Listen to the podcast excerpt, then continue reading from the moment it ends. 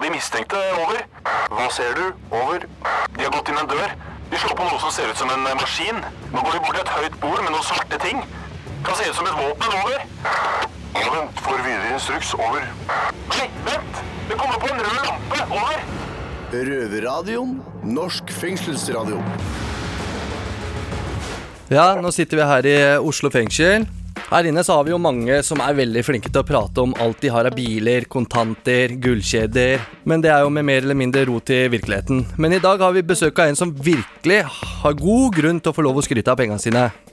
Velkommen til deg, eh, Petter Stordalen. Tusen takk.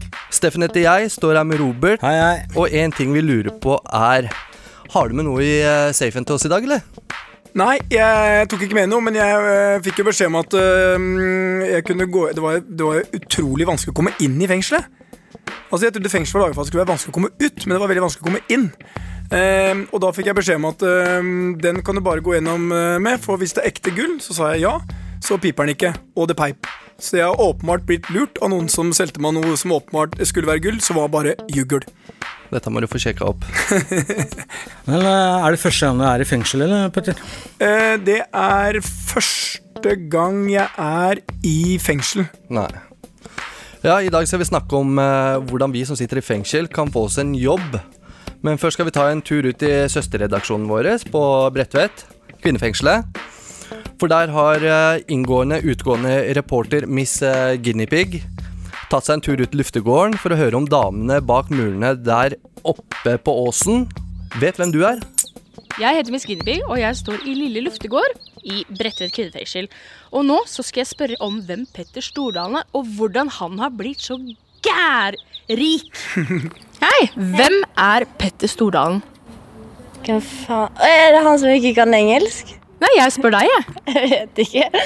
Jeg tror det er han som ikke kan engelsk. Hvordan har han klart å tjene 8 milliarder norske kroner? Det vet jeg ikke. Han er ganske dum, er han ikke? Han må jo være smart hvis han har tjent så mye penger. Nei. Må ikke. Hvem er Petter Stordalen? Uh, en businessmann fra Oslo, Stina Gryn, og så veit jeg at han plukka bær før han begynte med noe annet.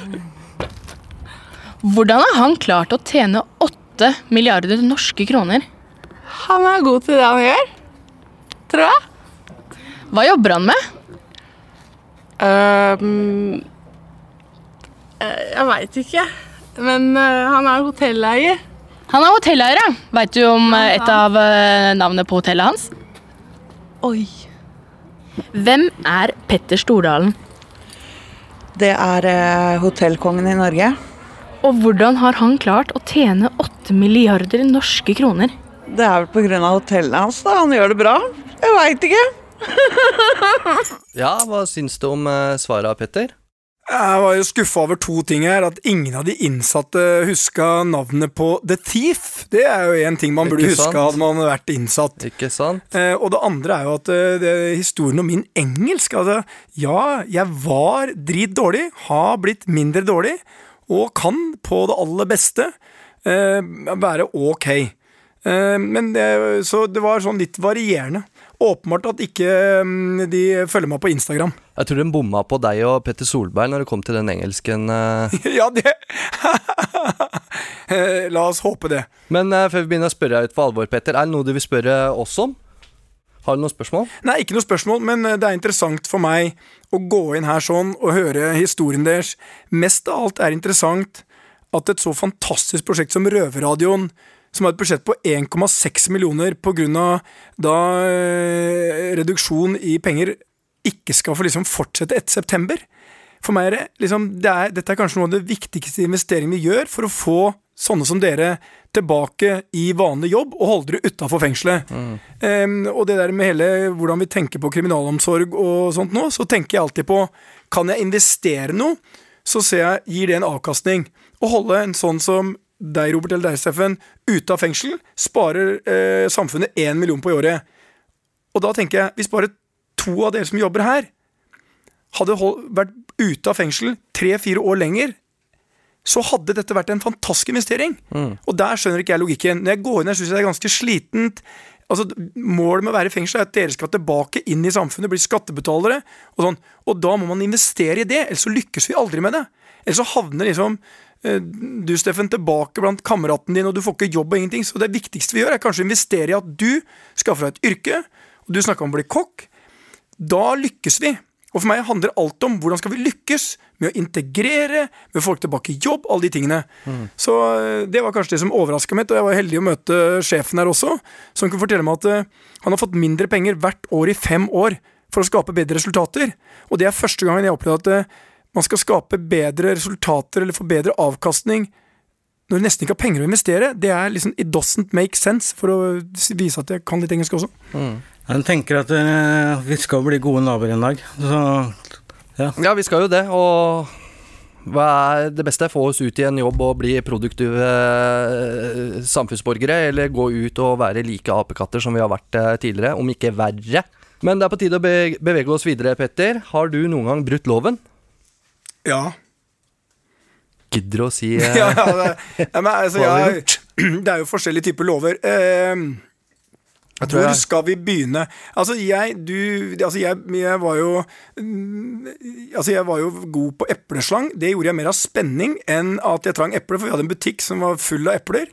Men det ga en egen følelse å rappe eplene til naboen, eller kirsebæra. Eh, og så har jeg da eh, i gamle dager tråkka litt hardt på gasspedalen. Um, og så har jeg fått noen børsbøter, og bøter får man for man gjør noe galt. Um, så det, og da bryter man egentlig noen uh, lover. Um, men jeg har lært av det. Noen ting ville jeg gjort om igjen. Men, men det er jo Altså, ja. Det er jo lover, det er lover for hvordan bedrift skal opptre. Men jeg ble angrepet av noen store, stygge amerikanere og forsvarte meg mot de, og brukte et par eh, triks da som man egentlig ikke skal bruke, og fikk en eh, bot på det på 475 000. Kan fort skje. Men eh, om du er en sånn eh, streiting, sånn sett, hva tror du er nøkkelen til din suk eh, suksess? Jeg tror nøkkelen til min suksess handler veldig mye om at jeg alltid tar utgangspunkt i det jeg har. Jeg tenker ikke så mye på alt det jeg ikke har. Og Derfor lagde jeg den filosofien som het jordbærfilosofien. Å selge de bæra jeg har. Og det handler om at jeg må ta utgangspunkt i liksom det jeg har. Um, og det har tatt meg ganske langt. Så selvfølgelig så jeg at uh, jeg har hatt god timing på en del ting, og, og ikke minst har jeg møtt de rette menneskene. Altså Jeg har vært heldig å omgi meg med mennesker som er flinkere enn meg sjøl og bedre enn meg sjøl. Det er omtrent sånn Hvis du kommer ut, Steffen, og du har lært å bli kokk, så er det et, det er et hav av forskjell på om du kommer inn i et miljø og får jobb og blir kokk i et bra restaurant, et bra sted hvor du trives, og at du detter inn blant de samme vennene dine om å leve av 6000 kroner fra Nav i måneden. For da begynner du å tenke i huet ditt Det her går faen ikke. Men det er da du ikke må gi opp. Det er da du må tenke sånn Ok, det er 6000 nå, men jeg skal bli kokk. Om jeg må banke på 100 dører, så skal jeg bli kokk. Og hvis du bare gjør det, så er det en som sier Men vi skal gjøre sjansen. sjansen. Altså, jeg har blitt eh, så rik at jeg har mye mer penger enn jeg eh, noensinne kunne drømme om. Men de pengene står liksom ikke på en bankkonto. De er investert i hoteller, og de er liksom Ehm, og for meg handler veldig mye om det. Hvorfor har jeg da fortsatt enorm glede av å gå på jobb? Og det er fordi jeg møter mennesker som jeg elsker å omgås. Det er mange i fengsel som eh, sliter med å snu om på livet sitt. Døra ut av fengsel blir en eh, svingdør. Og nå skal vi ta en lytt på en av disse som eh, ennå ikke har snudd om på livet sitt, nemlig meg. For vi skal høre en samtale jeg og min tidligere kollega her i radioen, Erik, hadde om det streite arbeidslivet. Noen ganger så snubler man litt og ender opp på innsiden av fengselsmurene. Andre snubler flere ganger. Om igjen og om igjen og om igjen. Det høres for mye ut, så den, den dropper vi. Ja. På nytt. Greit. Det er så useriøst, vet du. At det er Jo, for hva traff deg nå, Steffen? Hæ? Hva var det som traff deg nå? Nei, du refererte meg til som en supergjenganger her. Om igjen og om igjen og om igjen. Men da har jeg et annet spørsmål. Hvor mange ganger har du vært inne? Eh, fire. Hvor mange dommer? Åtte, tenker jeg. Det er jo da om igjen og om igjen og om igjen og om igjen og om igjen og om igjen og om igjen og om, igjen. Ja. Så de traff jo spikeren ganske midt på ja, de gjorde kanskje det, ja. Mm. Eh, og da spør jeg deg, Steffen. Hvorfor har du endt opp i fengsel? Nei, det begynte jo med spenning og moro og alt det der. Og selvfølgelig, penger er jo også en del av eh, kaka her. Og vi trenger jo alle penger. Det gjør vi absolutt. Og har du ikke da en eh, vanlig fast jobb, da, så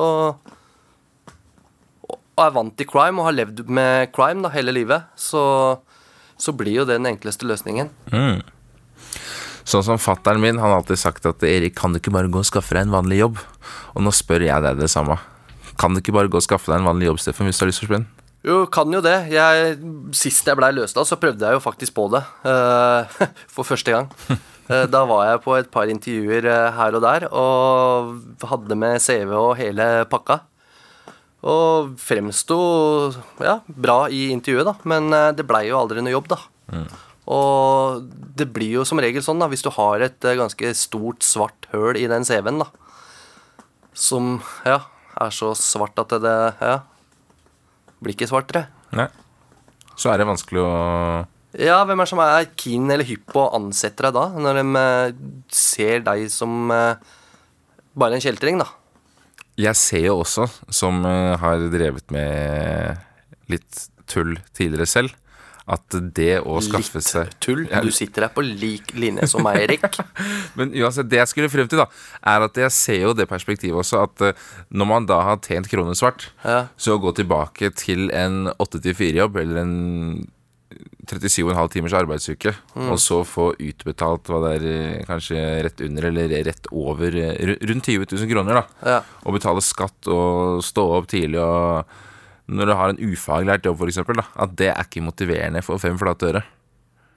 Nei, det er jo ikke det. Eller, jeg forsøkte jo, eller prøvde å få meg en sånn jobb, da, for å i hvert fall få teste det her, da.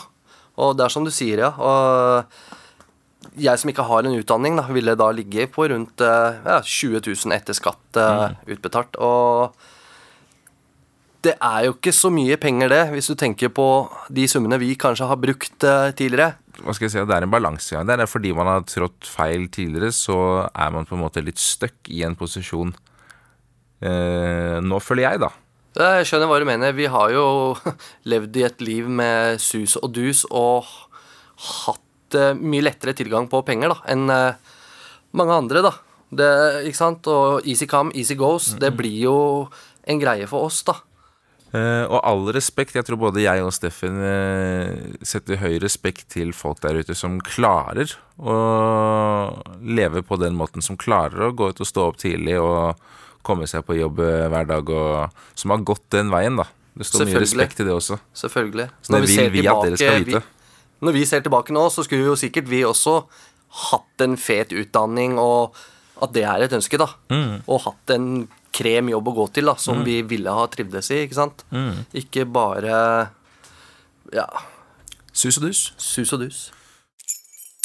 Hva tenker du når du hører det her, Petter? Er jeg en lat jævel? Nei, sannsynligvis er det ikke noe lat jævel, Steffen. Men du, øh, det jeg tror fort skjer, det er du får litt dårlige vaner med dårlige venner, og jeg syns han sa en ting som er veldig viktig. Man blir vant til at penger kommer jævlig fort. Du gjør et eller annet som du åpenbart ikke burde gjøre, for da havner du her inne. Men du tenker dette går. Et ran, et eller annet. Du får 100 000 mellom henda. Jeg er redd at de penga forsvinner like fort som de kom, omtrent. Til Ja. alt mulig tull. Ja, det gjør det. Og så må du gjøre det samme igjen. Da vet du med sikkerhet at jeg, det er den eneste sikre billetten til å komme tilbake inn her. Så du skal bryte med de vanene, em, og du er ute etter en vanlig jobb. En, hvor motivert er du, Steffen? Hvis du skal være brutalt ærlig, hvor motivert er du? Du vet når du kommer ut, så står de vennene dine og inviterer deg på en kald øl, sola skinner, og du vet det bør jeg ikke gjøre. Hvor motivert er du? Jeg legger meg selv på en sånn eh, ja, 80% motivert. 80% motivert. Ja. Og du skal bli kokk. Hvor langt har du igjen? La oss si et halvt år eh, studie igjen, da. Halvt år studie igjen, Ja. så blir du kokk. Har du kjæreste? Det har jeg. Ok. Hvor imponert tror du hun kjæresten din blir hvis du gjør følgende? En, du sier til henne når du snakker med henne Jeg vet ikke hvordan reglene er. Jeg måtte legge fram mobiltelefonen, så du må jo sende brev til henne. Annet. Du snakker med henne, så sier du 'Jeg har bestemt meg. Én, jeg skal bli kokk'. Ja.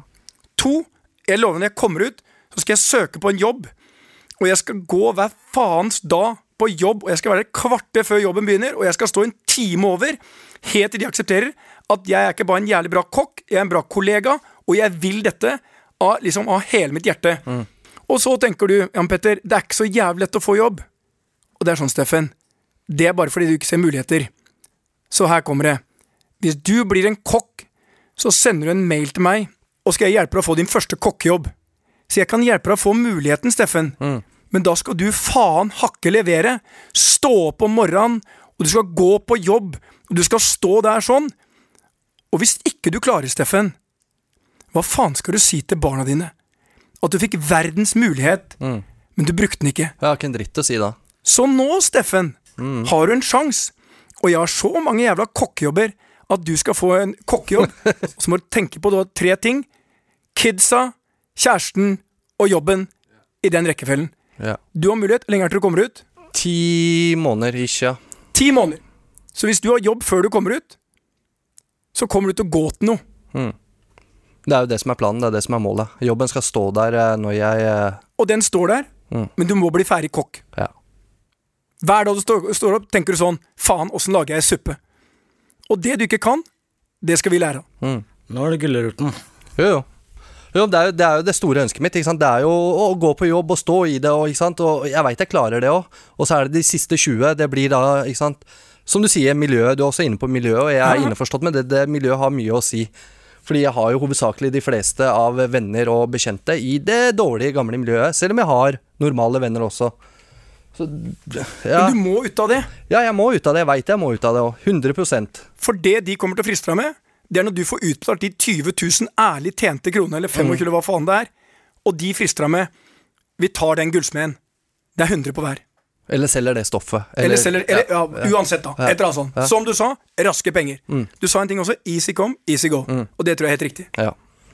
Du har nesten eh, svart litt på det nå, men du mener jo at eh, man skal ansette folk med hull i CV-en. Hvorfor det? Altså, Mange tror at jeg gjør det, eller jeg tilbyr deg jobb fordi um, jeg er så jævla snill, og jeg er ikke så jævla snill. Eller jeg er jævla snill, men jeg er ikke snill på den måten. Jeg gjør det fordi det skaper et mangfold i selskapet Nordic Choice, som jeg er heldig å eie, som gjør at vi får et mye bedre miljø. Mohammed på Comfort Grand Center, han er, altså de som jobber der, sjefen er dritstolt. Hun sa, Petter, Mohammed er mitt prosjekt. Jeg går ikke til den nye sjefsjobben, for jeg vet at han klarer seg. Og det syns jeg er så ekstremt fint. Jeg tror mangfoldet Altså, Vi har 100, over 170 nasjonaliteter. Vi har folk fra hele jævla verden. Vi har alle mulige forskjellige. Og summen av det gjør at vi tjener på det. Og det handler ikke alltid om utdannelse. Selvfølgelig må vi ha noen som er supersmarte og som har bra utdannelse. Men veldig mye av jobbene vi har, det er der folk starter. Og derfor sier jeg det fins ikke dritjobber. Den e drittjobbene fins først hvis, du, hvis noen begynner å si det er en drittjobb. Og en gang så var det en norsk statsminister som sa ja, men noen må gjøre drittjobbene. Sier en statsminister det er en drittjobb, Mm. så blir det en drittjobb. Ikke sant? Så jeg tror Ikke glem at uh, kultur, det skapes av mangfold. Og mangfoldet, da må du ha forskjellige mennesker med forskjellig utgangspunkt. Og da så, så mange av de andre blir faktisk motivert av å høre din historie og alt sånt noe. Og det er bare å være ærlig på det og si Fuck, jeg har vært gjenganger, jeg har vært inne jeg har åtte dommer, sittet inne fire ganger, men nå skal jeg forandre det. Mm. De vil være motivert for å hjelpe deg, og de skal bli dine nye venner. Det er ikke sant.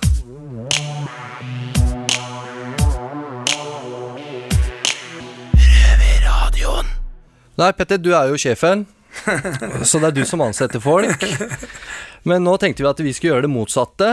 For du burde jo holde jobbintervjuferdighetene dine på topp. Ja. Og kanskje vi lærer noe i samme slengen. Ja. Så da tar vi et jobbintervju med deg her og nå. Kjør på!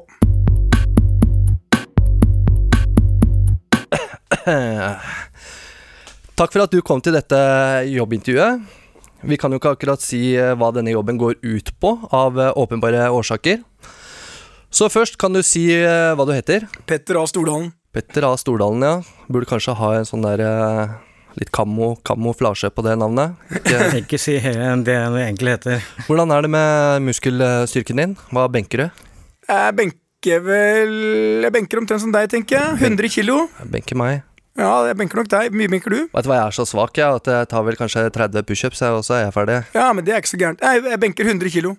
Ja. I denne jobben så kan man komme opp i litt uvanlige situasjoner. Hvordan hadde du reagert om du plutselig hadde befunnet deg i bagasjerommet på en bil?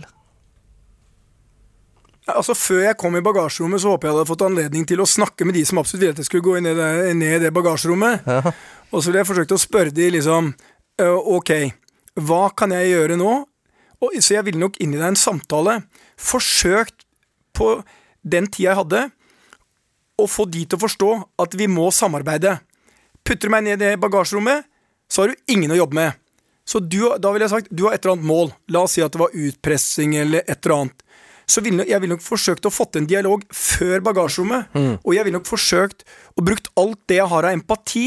Altså evnen til å forstå hvorfor jeg havna her. Hva Jeg ville forstått den som sto der og ville ha meg ned der. Hva er ditt motiv? Mm. Hva vil du med dette? Og kanskje vi kan løse det uten at jeg går ned i den. Så det ville jeg nok tenkt på. Hvis jeg først var nedi der, så hadde jeg begynt å tenke på strategi del to, liksom. Hva sier jeg nå når jeg kommer ut av bagasjerommet? Hvordan skal jeg få de eller eh, han eller hun eh, til å forstå at eh, det her er ikke noe god idé. Det finnes mange andre utveier som sanns- sannsynligvis er langt bedre for deg, og da til syvende og sist også for meg. Mm, smart tenkt. Hva hvis det sto, en eh, skalla, to meter høy, tatovert faen med balltre på døra di? Da er jeg så heldig med det sikkerhetssystemet jeg har, at uh, kommer du med et balltre til meg, så er du allerede på 14 kameraer, og da går alarmen tre steder. Og da tror jeg at uh, jeg hadde en, uh, De armerte dørene hadde ikke blitt lukket opp, og uh, sikkerhetsrom aktivert, og Skytevåpen fram. ikke, ikke noe skytevåpen, men jeg har jo en schæfer på 47 kilo som jeg ville bare sluppet løs og gitt en kommando. Og så vil jeg stille bare trykke på en knapp. Så der satt man og venta. Så har jeg tenkt han er åpenbart ikke her for å lære meg baseball, eh, så eh, han eh, kan andre snakke med. Og han selger ikke lodd, for da har han ikke med seg den baseballbatten. Så eh, nei, det hadde jeg eh, Altså, jeg hadde ikke vært veldig bekymret.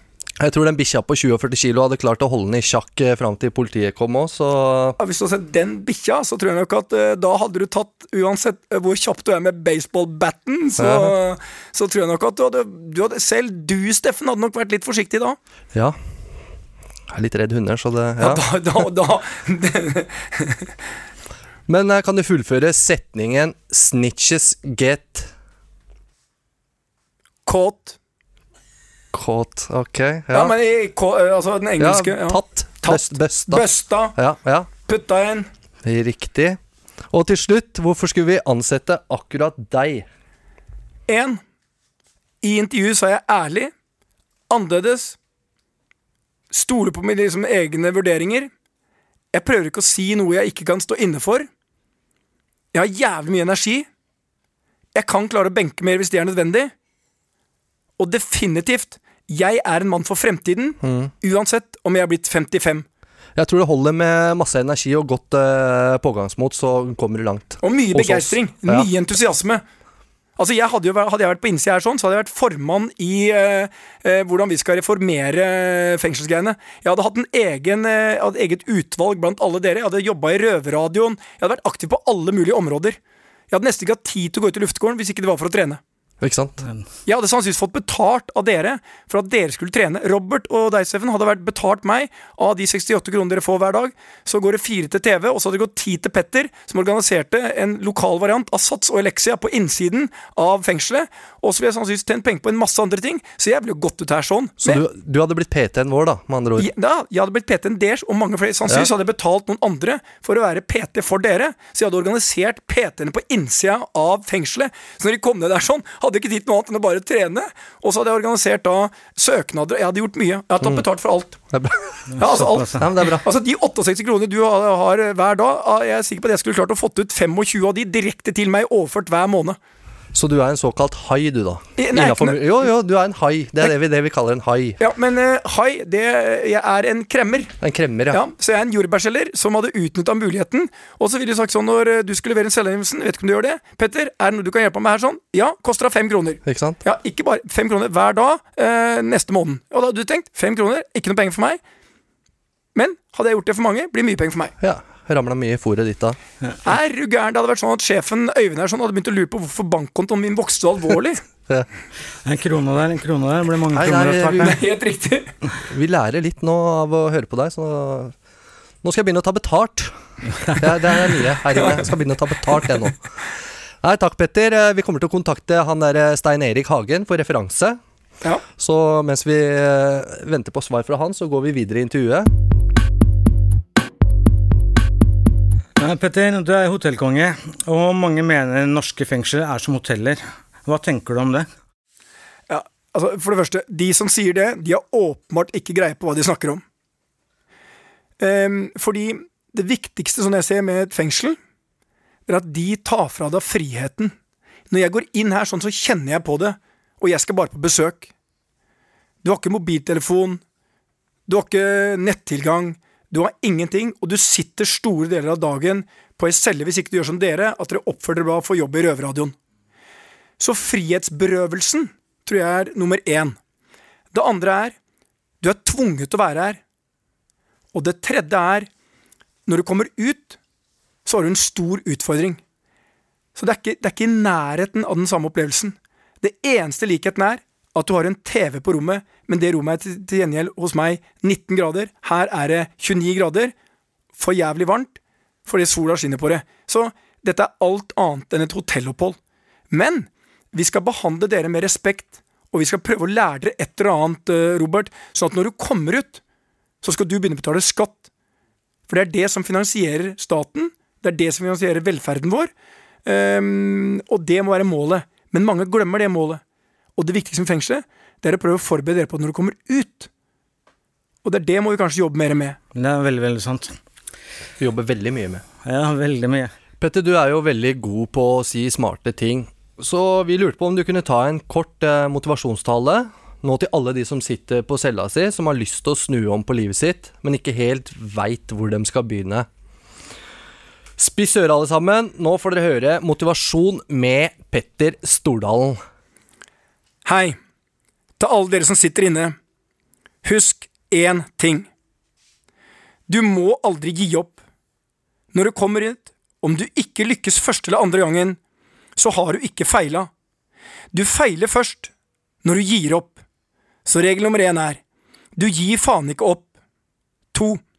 Tenk på alle de rundt deg. De du skal bytte ut, og de du skal bevare. De du skal bevare, det er familie og venner som vil at du aldri skal inn igjen. Velg bort alle de som ikke vil det. Så, nummer tre. Finn deg et eller annet jævla yrke. Fremfor alt, finn noe du har lyst til å gjøre. Uansett om du er rørlegger eller sjåfør eller eh, kokk eller hva det er. Og begynn å jobbe med det. Begynn å planlegge nå. Ikke ligg og bli sånn som når du var i militæret, så ble det sånn derre brakke... brakkesjuk. Folk lå bare i senga og øh, ikke orka å gjøre noen ting. Begynn å aktivisere deg. Ta del i aktiviteter. For når du kommer ut, så er det viktig å si Ok, jeg var inne, men jeg jobba i Røverradioen, jeg var med i det, jeg gjorde det, og jeg begynte å forberede meg de to siste åra på at en dag skal jeg komme ut. Og så er det sånn, til alle dere som sitter inne, dere er egentlig jævla heldige, for dere bor i Norge. Når du kommer ut, så fins det jobber. Det fins ting til de som er villige til å forandre på livet sitt.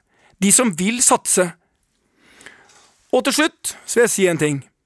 Alt er mulig. Det er bare sånn når det er som svartest, og når du går ned det svarte jævla hølet, så husk, begynn da å tenke på alle de tingene som ikke er så svart. Sett opp ei liste fra sjæl. På alle de ting som egentlig er bra. For deg er det kjæresten din, unga dine og de tingene. Og så begynner du å tenke på den lista blir litt lenger hver gang. Og alle har svarte høl. Alle har gjort noe gærent. Det har, selv de som er på toppen av samfunnet, har noen gjort noe de ikke er veldig stolt av. Og vi skal respekteres, ikke for hva, hva vi har gjort, men for hva vi faktisk gjør. Jeg ønsker dere masse lykke til, og i hvert fall på vegne av Nordic Choice. Flere av dere kommer sikkert til å jobbe hos meg, og bare du står opp om morgenen, leverer jobben, så er vi stolt at du jobber akkurat hos oss. Jævla godt sagt. Det høres veldig bra ut. Tror ikke jeg klarer å toppe de orda der, så da tror jeg bare sier Petter Stor Stordalen, tusen hjertelig takk for at du kom hit i fengselet. Du hører oss neste uke på P2 på lørdager halv to, eller når du vil på podkast. Takk for nå. Det har vært stille fra over en time. Hva skjer? Over. Det er bare et radioprogram. Det er lettere å høre på dem der. Over. Ja, vet du når det går, da? Over. Det er samme tid og samme sted neste uke. Over.